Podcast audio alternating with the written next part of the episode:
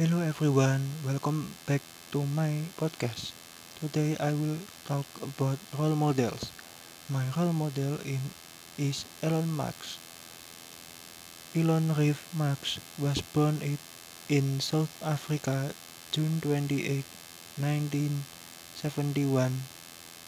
Age, age 49 is a business magnate inventor and industrialist from the United States. He is founder, CTO, and CEO of SpaceX, CEO and production architect of Tesla, founder of the Boring Company, and founder Neuralink.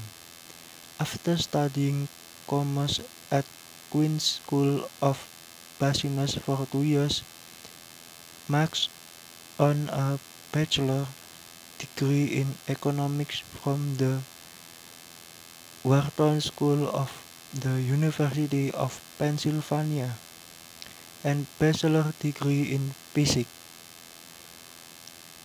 Musk continued his PhD physics to Stanford University in 1995 but only took classes for two days to continue his career by founding Zip2. Musk also played a role model in the founding of PayPal.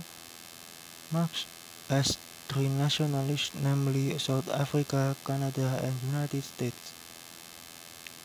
As of September 2020, Musk's wealth is estimated at USD 102.9 billion, making him the fourth richest, richest person in the world.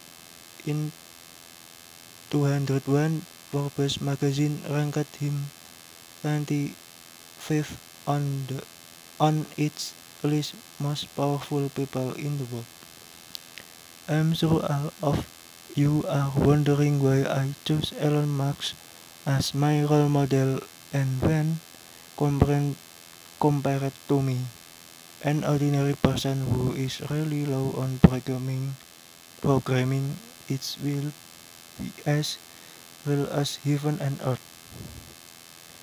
But who doesn't know doesn't know Elon Musk now? An extraordinary person.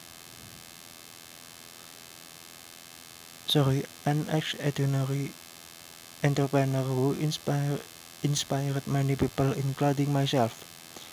Musk is a very genius person. Even his ideas are mind-blowing. In an interview with Axios for the HBO documentary series, Musk said there was 70% chance he will go to Mars. Three company There are a number of new breakthroughs that are possible, he said.